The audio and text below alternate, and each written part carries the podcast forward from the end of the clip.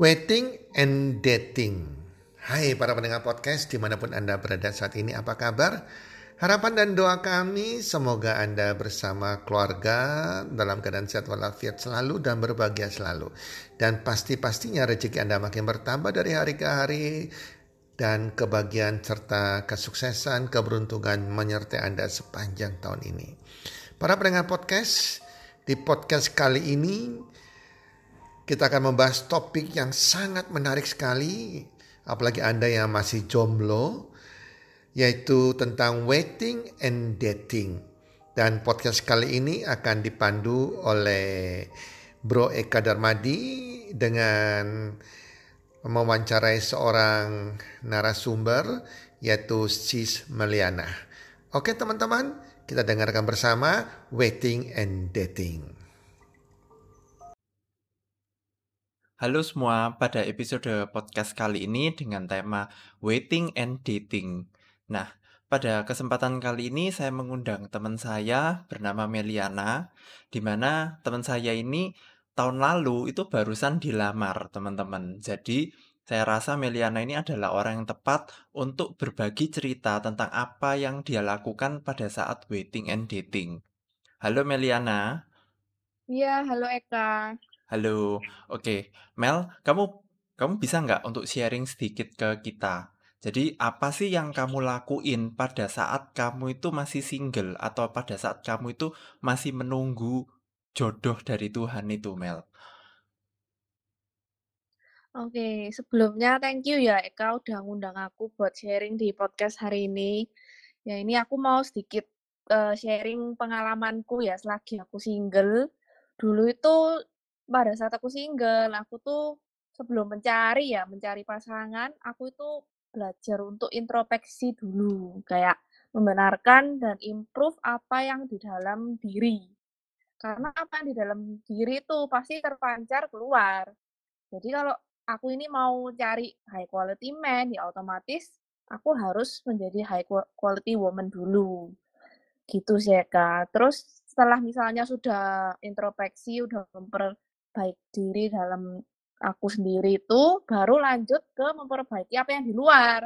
Contohnya penampilan. Dulu tuh aku nggak bisa gambar alis, bayangin. Terus aku les.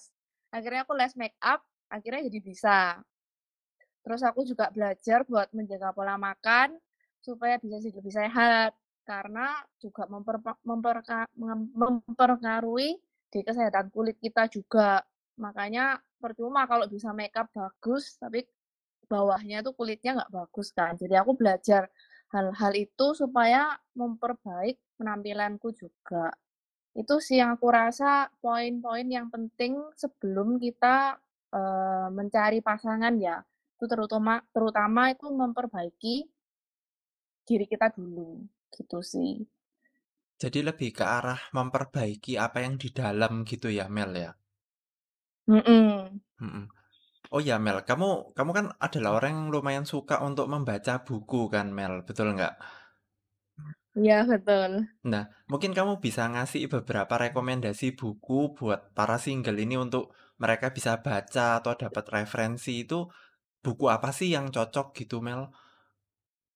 Aku ada dua buku yang pada saat aku single itu sangat membantu aku untuk melewati uh, banyak fase ya. Kadang kan kita fase galau, merasa kayak, "Oh, nggak ada pasangan buat kita," atau merasa putus asa, atau bingung bahkan kayak mau mulai dari mana, gitu. Nah, ada dua buku. Satu ini judulnya Wise Woman Waits.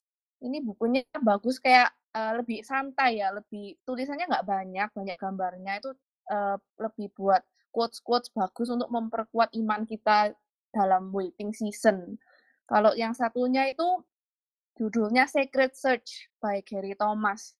Ini juga bagus banget buat kita uh, supaya kita tahu value-value yang kita cari dalam pasangan. Ini bisa buat cowok atau cewek sih. Kalau yang wise woman wise itu lebih ke buat cewek ya. Gitu sih, Eka. Oh iya. Nah, gini Mel, beberapa dari teman-teman kita ini ya, itu kan selalu punya kendala di mana menurut mereka, para ladies ini ya, teman-teman di sekitarnya mereka atau di circle-nya mereka ini sudah nggak ada yang berpotensi. Nah, mungkin Mel bisa ngasih sedikit tips ya kan, gimana caranya para ladies ini untuk bisa memperluas circle pertemanannya mereka gitu, Mel? Oh, kalau aku dulu jujur ya sempat merasa seperti itu Eka, sempat merasa kayak, wah di sekitarku ini aku sudah kenal semua dan aku nggak merasa ada yang cocok kan. Ya aku juga sempat kayak bingung mau cari di mana lagi. Tapi yang aku lakuin itu, aku jadi lebih aktif dalam komunitasku. Contohnya kalau misalnya aku kan Kristen, jadi aku lebih aktif di gereja, di komsel, di iCare. Dan kalau sudah memperdalam di komunitas itu, cari lagi. Misalnya aku mau belajar untuk uh, hidup sehat kan, jadi aku olahraga. Jadinya aku suka badminton. Lalu melalui aktivitas badminton, aku jadi punya teman-teman badminton. Nah, itu memperluas uh, kenalanku juga. Jadi, uh, menurutku kalau misalnya mau cari kenalan yang baru, harus keluar dari comfort zone. Dan harus nggak boleh malu untuk berkenalan gitu ya. Percuma ya kalau misalnya sudah di lokasi dan tempat yang tepat, tapi kita sendiri nggak mau ngomong, ngajak ngomong orang kan ya percuma gitu. Jadi ya menurutku dua hal itu penting sih. Pertama, tempatkan dirimu di tempat yang tepat. Ya kedua, open yourself gitu loh. Ya cak omong orang, terus be friendly. Itu menurutku sangat penting sih. Supaya kita ini memperluas uh, networknya kita, memperluas kesempatan ketemu sama orang baru gitu sih ya kak. Oh, tapi kan paradigma secara umum ya Mel ya kalau perempuan ngajak ngomong itu kan kayak gimana gitu ya, kan biasanya perempuan itu kan mintanya cowok yang deketin, cowok yang ngajak ngomong duluan lah. Kalau menurut kamu Waduh. cewek ngajak ngomong duluan itu kan ya nggak apa-apa kan ya, nggak nggak harus iya. selalu nggak harus selalu apa, cowok yang ngajak ngomong dulu kan, betul nggak? Bener itu Eka. Ya sekarang mungkin itu namanya ceweknya rada jual mahal ya. Kalau sekarang sih menurutku untuk ngajak ngomong itu bukan opposite of jual mahal, which is jual murah. Enggak, sama sekali enggak. Ya just being friendly. Kamu ngajak ngomong orang kan belum tentu kamu tertarik sama orang itu. Kamu cuma pengen berteman aja. Nah, itu menurutku sama sekali nggak ada salahnya kalau kita sebagai ladies ya ngajak ngomong dulu atau bahkan kayak nanya gitu, eh kamu temannya ini ya. Itu kayak hal yang menurutku sangat uh, bagus sih, bukan sangat yang buat orang mikir, wah orang ini kok murahan banget. Malah enggak gitu loh. Nah, menurutku ladies ini harus membuang jauh-jauh itu pemikiran seperti itu. Karena itu yang buat uh, para ladies mungkin terhambat ya untuk bisa kenalan lebih banyak orang gitu sih. Iya, itu betul banget ya karena kan masih banyak persepsi bahwa wanita itu hanya bisa menunggu. Nah, ternyata kan ya nggak juga kalau misalnya si wanita ini ada interest sama cowok atau mau buka hati sama cowok kan boleh dong kalau misalnya dia itu yang yang apa istilahnya mancing duluan, ngajak ngobrol iya. duluan. Iya, mm -mm. yeah, bener. Iya, nah Kalau mancing itu bisa sih ya, Kak, kayak caranya nggak nggak terlalu frontal, tapi ngasih hint, nggak nggak langsung digasak gitu, tapi kasih hint-hint kecil ke cowok itu. Aku aku yakin cowok juga punya perasaan ya pasti ngerasa gitu loh orang ini mau buka hati, tapi bukan nggak sampai kayak mengejar gitu. Memang kita sebagai ladies harus di posisi yang menunggu untuk dikejar. Tapi bukan berarti kita nggak boleh berteman dong, kan ini di tahap berteman. Belum kenal, kan cuma kenalan. Gitu sih, Eka. Oh, kalau misalnya Mel boleh share sedikit ya, kira-kira hin-hin seperti apa yang cewek-cewek itu bisa pakai untuk ngasih sinyal ke cowok? Kalau aku dulu sih misalnya ya kayak baru di lingkungan kayak di lingkungan yang baru kan aku nggak kenal siapa-siapa. Misalnya lagi selesai badminton duduk di kursi menunggu giliran. Nah, itu kan ada orang duduk di sebelahku. Masa aku diem aja? Ya pasti aku, halo namanya siapa? Itu bukan him ya, itu cuman being friendly. Bukan berarti aku suka sama dia. Toh aku juga kenal gitu loh. Ya apa cara aku memperluas uh, lingkaran temanku? Ya aku tuh ngajak kenalan. Oh, oh kamu temannya itu ta ya itu itu kayak membuka pembicaraan gitu loh dengan orang itu itu itu bukan uh, hint ya kalau aku suka sama dia aku interest sama dia enggak itu cuman being friendly. Being friendly means uh, opening your circle. Jadi itu yang memperluas kamu kesempatan untuk ketemu yang the one itu ya ya kamu tuh harus bisa being friendly sama semua orang. Nggak bisa kamu milih-milih cuman being friendly sama orang yang ganteng doang kan ya nggak boleh gitu juga. Ya being friendly general. Siapa tahu kan temennya temenmu itu yang cocok sama kamu kan you'll never know gitu loh jadi ya menurutku yang poin yang penting tuh harus be a person yang positif yang friendly yang ya mau gitu loh punya teman baru gitu sih hmm. kalau kalau Mel waktu dulu ketemu duannya itu dari mana Mel aku ceritanya ketemu uh, tunanganku sekarang ini tuh di acara gereja sih, Eka. Jadi kayak aku ikut ke persekutuan doa. Ya, temanku ini. Temanku terus itu dianya dia tuh temennya dia yang kebetulan juga datang di acara tersebut. Jadilah ketemuan, terus jadilah berkenalan. Ya dari situ baru berlanjut akhirnya PDKT. Memang awalnya aku tuh get out of my comfort zone. Aku ke satu uh, satu komunitas yang aku mungkin nggak banyak kenal sama orangnya, tapi aku memberanikan diri untuk ya udahlah ke sana lah siapa tahu ya. Pokoknya kenalan sama banyak orang gitu. Makanya bisa ketemu sama dia. Gitu sih ceritanya. Oh, jadi sebagai wanita itu ya harus berani menjajaki komunitas-komunitas baru ya Mel ya. Iya benar. Mm -mm. Nah, Oke. Nah, tadi itu kan dalam tahap awal ya, dalam tahap intinya pengenalan ya, Mel ya. Nah, sekarang hmm. kalau kita kan mau menggali yang yang di sesi datingnya ya. Jadi menurut Mel ya kan, pada saat kamu itu dating dengan cowok ya. Nah, menurutmu hal-hal penting apa yang cewek itu perlu gali dari cowok-cowok itu? Uh, dating ini maksudnya PDKT ya, Eka ya? Iya, dalam konteks PDKT. Hmm untuk uh, di masa-masa PDKT ini menurutku you have to ask a lot of questions. Harus nanya. Kalau kamu pas PDKT kayak nggak nanya apa-apa, kamu nggak ngerti orang ini tuh seperti apa gitu. Jadi pas aku PDKT dulu, aku tuh suka nanya. Jadi misalnya, kamu kalau biasanya sehari-hari tuh ngapain? Kerjaanmu ngapain? Terus kamu tuh sering hangout nggak sama orang tuamu? Kayak pertanyaan-pertanyaan itu yang bisa membuat kita lebih memahami orang ini dan value-value mereka. Dari situ kita bisa menilai kayak oh orang ini cocok enggak kira-kira sama aku gitu loh. Nah, dari situ baru lama-lama baru pertanyaan tambah deep. Jangan awal-awal baru kenal langsung nanya yang terlalu personal juga itu juga nggak baik sih ya kak. Jadi awal-awal yang santai dulu aja, mungkin hobinya apa, terus dulu kuliah di mana, belajar apa, kayak hal-hal gitu kan juga membantu kita untuk mengenal orang ini lebih. Nah, setelah kita mengenal orang ini, ya baru kita uh, consider apakah mau lebih lanjut dalam uh, dating season ini apa enggak, gitu sih. Hmm. Lah, menurut menurut Mel ya, apakah uh, ada kayak waktu yang harus dilalui misalnya gini, oh kalau misalnya dari kenalan sampai tunangan misalnya, itu harus kayak katakan satu tahun atau atau menurut Mel yang namanya hubungan itu ya kayak, ya kamu misalnya habis ketemu cocok, ya ndak perlu lama-lama, kayak gitu loh?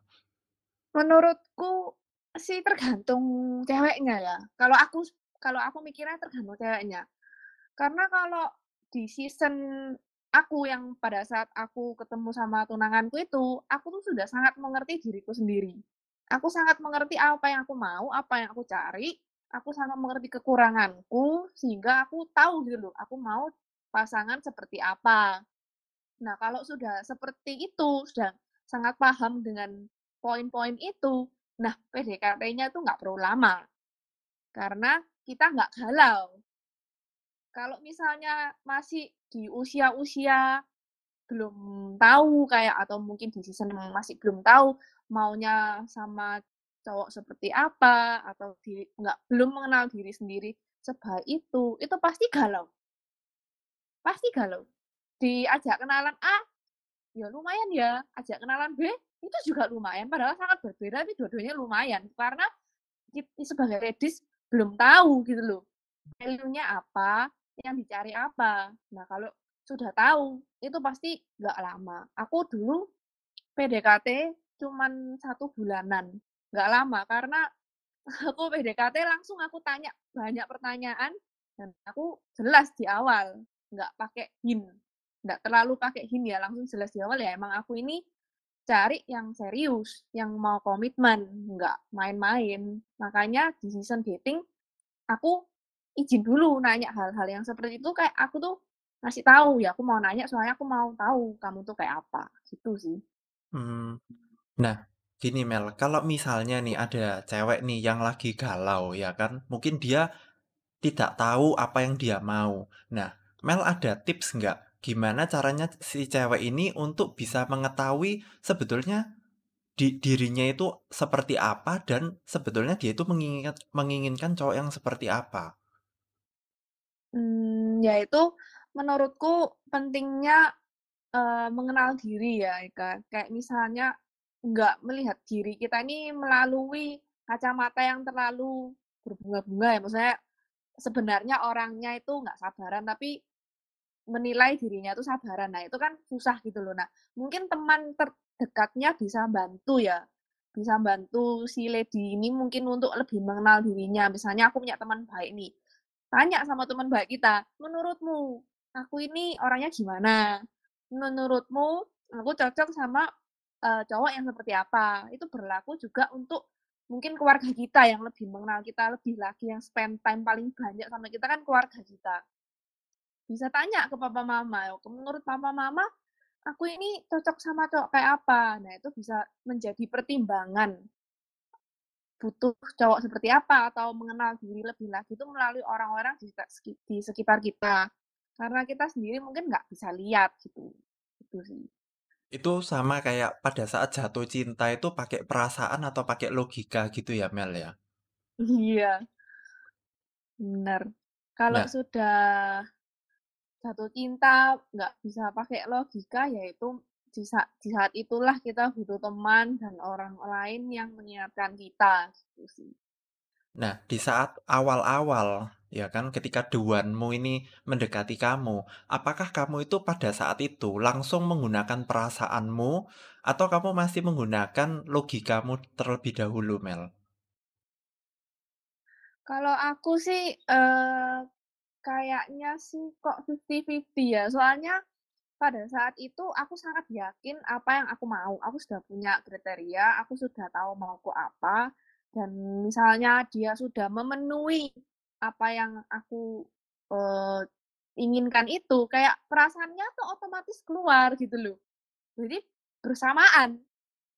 Jadi aku merasa pas itu aku sih kayaknya 50-50, jadi juga lihat secara logika, tapi perasaanku yang muncul gitu sih.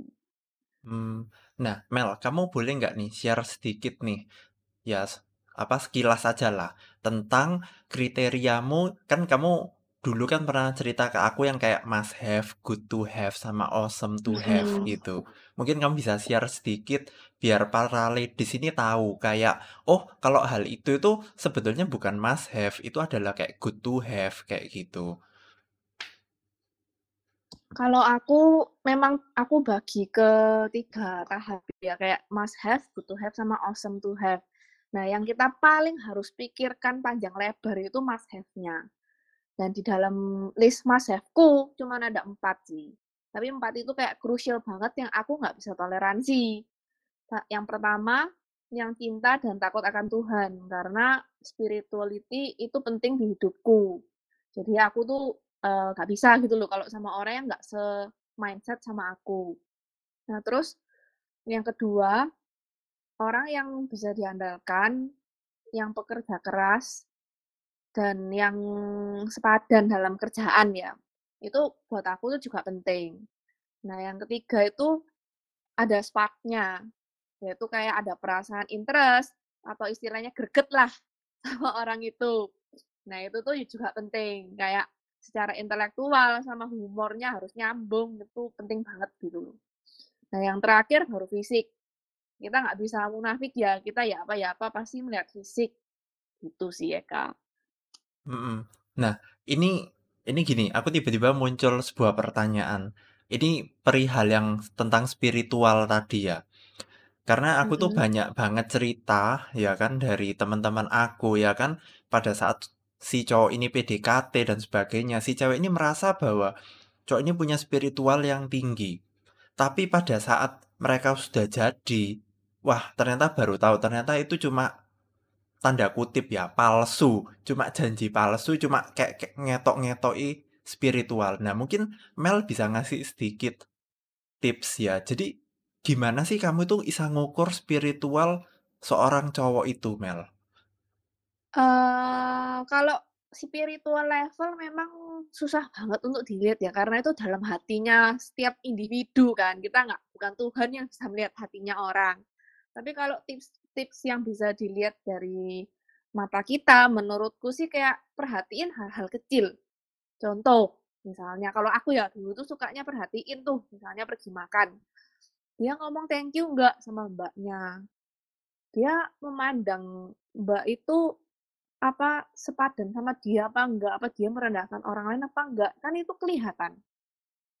Kalau dia namanya cinta Tuhan, yang tahu value-value Tuhan, ya seharusnya dia tuh memperlakukan semua orang tuh sama. Nah, kalau kayak gitu kan, ya bisa dilihat hal-hal kecil banget yang seperti itu, dia tuh gimana. Itu salah satu ya. Kalau enggak, yang kedua mungkin kayak kalau misalnya dia cinta Tuhan, ya dia otomatis orangnya jujur. Ya dia kalau dalam kerjaan gimana, misalnya ditanyain, "Kamu ini, eee, punya customer gini, tapi kamu kok kasihnya nggak sesuai dengan nota atau gini." Nah, itu kan kelihatan dia nggak jujur. Ya itu berarti dia ngomongnya doang, dia sayang Tuhan, takut sama Tuhan, tapi kok berani bohong gitu loh. Jadi lebih ke arah kayak melihat hal-hal yang kecil-kecil dan yang sehari-hari yang dia lakuin. Bukan dilihat dari, oh dia pelayanan di sini, wah dia itu teman baiknya pendeta. Nah itu menurutku sih sangat tidak relevan ya dengan uh, kita bisa melihat orang ini tuh benar-benar cinta sama Tuhan apa enggak gitu sih ya kak. Oh, nah kalau misalnya boleh share juga nih kriteria yang dulunya good to have sama awesome to have-nya itu apa Mel? Kalau di listku ya, karena kan uh, keluargaku itu my mom itu dari Cina, otomatis half of my family itu nggak bisa ngomong bahasa Indonesia dan Inggris, jadi bisanya ngomong Mandarin. Jadi good to have-ku kalau bisa sih tuh cowok bisa ngomong Mandarin itu kayak wow banget sih kan bisa nyambung sama keluargaku. Nah kenapa kok aku nggak masukin ke must have? Ya karena aku mikir ya aku masih bisa lah jadi translator, pikirku gitu. Tapi kan alangkah lebih baik kalau orangnya bisa ngomong sendiri, makanya aku masukin ke good to have gitu sih. Hmm. Kalau awesome to have, ya itu yang awesome banget ya mungkin ya mau mukanya seperti Han Ji Pyong atau seperti siapa yang ganteng banget ya itu sudah awesome banget to have sih.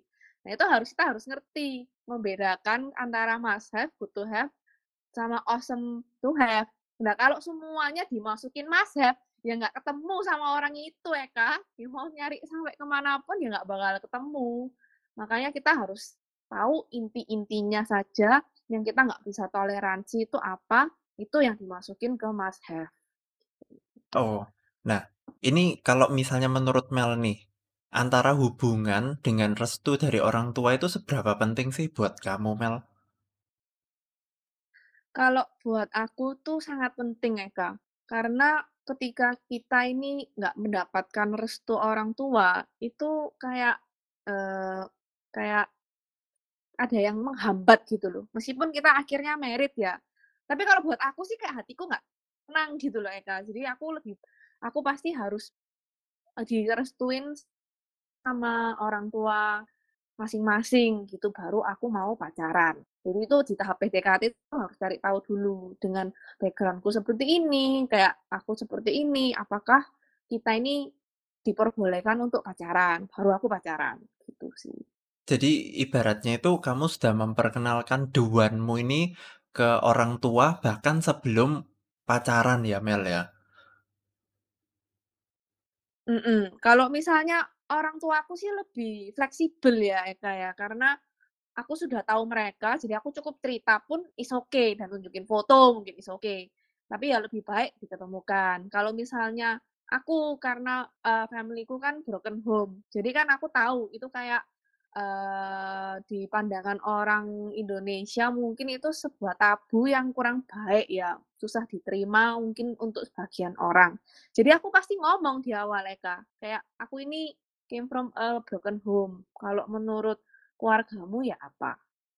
Apakah keberatan gitu loh. Kalau misalnya keberatan ya udah aku nggak bakal lanjut karena aku merasa percuma. Misalnya aku sudah seneng sama nih cowok, dia juga suka suka sama aku Nah, terus akhirnya nggak boleh karena parents nggak ngebolehin ya. Terus ngapain gitu loh. Kita lanjutkan gitu sih. Oh. Nah, selama ini misalnya dari pengalamanmu yang sebelum-sebelumnya ya, pernah nggak kamu itu sempat ada apa ya? Karena masalah broken home itu akhirnya hubungan kamu itu akhirnya harus berakhir atau nggak dimulai gitu, Mel? Pernah. Aku pernah mengalami di mana Nggak direstuin dari orang tuanya yang cowok karena aku broken home. Nah, di situ kita awalnya tuh perjuangin, tapi pada akhirnya aku yang menentukan, aku nggak bisa kayak gini, gitu loh. Karena aku sadar kalau uh, restu orang tua itu sangat penting buat kehidupan marriage kita nanti ke depannya. Gimana-gimana kalau sudah married kan tetap pasti berhubungan dengan orang tua. Nggak mungkin dong kayak putus hubungan, pasti pasti hubungan. Kalau misalnya hubungannya nggak baik kan nggak enak dong. Setiap kali Cynthia ketemu, setiap kali ada acara ketemu, tapi nggak enak. Ya aku nggak pengen seperti itu gitu loh. Dan aku nggak pengen anakku nanti merasakan nggak enaknya juga. Jadi lebih baik aku mem memutuskan hubungan itu. Nah, dari hubunganku yang itu, makanya muncullah uh, pemikiranku kalau hubungan itu harus direstuin kedua belah pihak orang tua, karena menurutku itu penting, gitu sih. Iya, jadi itu kayak suatu yang krusial banget ya, Mel ya. Nggak boleh tidak ya. Berarti kalau misalnya ternyata orang tua ini yang dulu ya, misalnya orang tua nggak nggak setuju, ya ya udah ya mau gimana lagi. Kalau dipaksain juga ujungnya juga nggak akan ada, betul nggak? Iya. Mhm. Karena di luaran Mhm. sana itu sebetulnya lumayan banyak loh ketika aku, apa, mendengar cerita dari temannya temanku atau apa, ketika hubungan mereka dengan orang yang mereka suka nggak direstui, mereka malah berusaha untuk istilahnya memperjuangkan atau mungkin melawan kayak gitu loh. Tapi kalau misalnya buat aku pribadi pun, aku merasa bahwa Uh, mungkin yang kayak kamu bilang juga ya, kalau misalnya itu memang jodohnya, ya kan, serumit apa pun pasti akan ada jalan, betul nggak? Kayak apa, Iya. intinya pasti kalau misalnya DE memang jodoh buat kamu, pasti kayak Tuhan itu ya akan mengetuk hati papa mamanya juga, bener nggak? Kayak untuk Iya. bisa melihat sisi positifnya ini dan ini, kan kan kayak gitu ya. Tapi kalau misalnya Mhm. kayak Kayak apa, bulat aja tapi gak ada ujungnya itu ya, kayak kamu bilang toh, kayak itu ya bukan jodoh, betul nggak? Benar. Nah, oke. Nah, sekarang kita masuk ke pertanyaan yang terakhir, Mel. Nah, dari mana kamu itu bisa tahu atau yakin bahwa dia itu adalah one buat kamu? Hmm. Kalau karena ini ya, sebelumnya kan aku sudah mengenal diri sendiri dulu, melewati masa single, terus uh, mengasah apa itu list kriteria pasangan yang pengen. Nah, aku kan pasti kalau sudah pacaran, ya pasti sesuai dengan kriteria yang aku bikin itu. Kalau yakin apa enggak, menurutku kita itu enggak akan bisa 100% yakin apakah kita tuh benar memilih orang ini. Karena kita tuh bukan Tuhan. Yang tahu orang yang kita nikahin ini bakal berupa apa enggak setelah kita menikah, kan cuma Tuhan. Gitu loh. Nah, yang kita bisa lihat ya apa yang di depan mata kita sekarang. Nah, kalau misalnya ditanya apakah yang di depan matamu ini sesuai yang kamu mau, jawabannya iya, gitu. Nah, kalau misalnya masalahnya nanti uh, yakin seterusnya bakal merasa selalu benar kan nggak bisa nggak ada yang tahu gitu loh karena kita pun nggak tahu masa depan kayak gimana. Itu sih. Kalau misalnya kamu sudah tahu yang di depan matamu ini seperti apa dan kamu bisa menerima dan sebaliknya. Kalau ya kalau kayak gitu ya udah sisanya ya put my faith I put my faith in God. Kalau aku percaya kalau selama berdua ini dalam Tuhan dan punya growth mindset yang mau sama-sama berubah untuk menjadi lebih baik ya menurutku itu bakal seterusnya menjadi pasangan yang tepat gitu loh. Menurutku gitu sih. Ah, oke okay, Mel, sebelum kita tutup nih, kamu kan punya quotes quotes andalanmu itu. Ayo coba kamu share dong quotesmu ke kita semua nih. Aduh, quotes apa ya? Aku pokoknya yang kalau uh, kalian single itu loh, Mel. Oh, kalau kalian single itu harus harus harus get out of your comfort zone, meet new people, nggak boleh di rumah tok, nggak boleh uh, nggak mau buka diri. Itu wes harus. Oh, kalau untuk mau keluar dari single uh, single season ya itu tuh harus untuk pintu-pintu terbuka buat kamu itu ya kamu harus memutarkan ganggang pintunya dulu gitu loh. Itu sih. Hmm, oke oke. Thank you banget ya Mel buat waktunya, ya kan. Teman-teman, ini sekian dulu dari episode podcast kita kali ini. Nanti kita tunggu episode-episode podcast berikutnya ya. Thank you semuanya. Thank you, thank you Eka.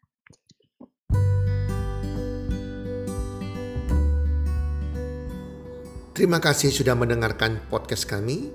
Teman, jika Anda rasa bermanfaat podcast kami ini, Anda bisa menginfokan kepada rekan kerja Anda, keluarga Anda, teman ataupun sahabat Anda. Dan jika ada hal-hal yang Anda ingin tanyakan kepada kami ataupun topik-topik apa yang Anda ingin kami bawakan, kami sampaikan, Anda bisa DM kami di Instagram kami Health Community id.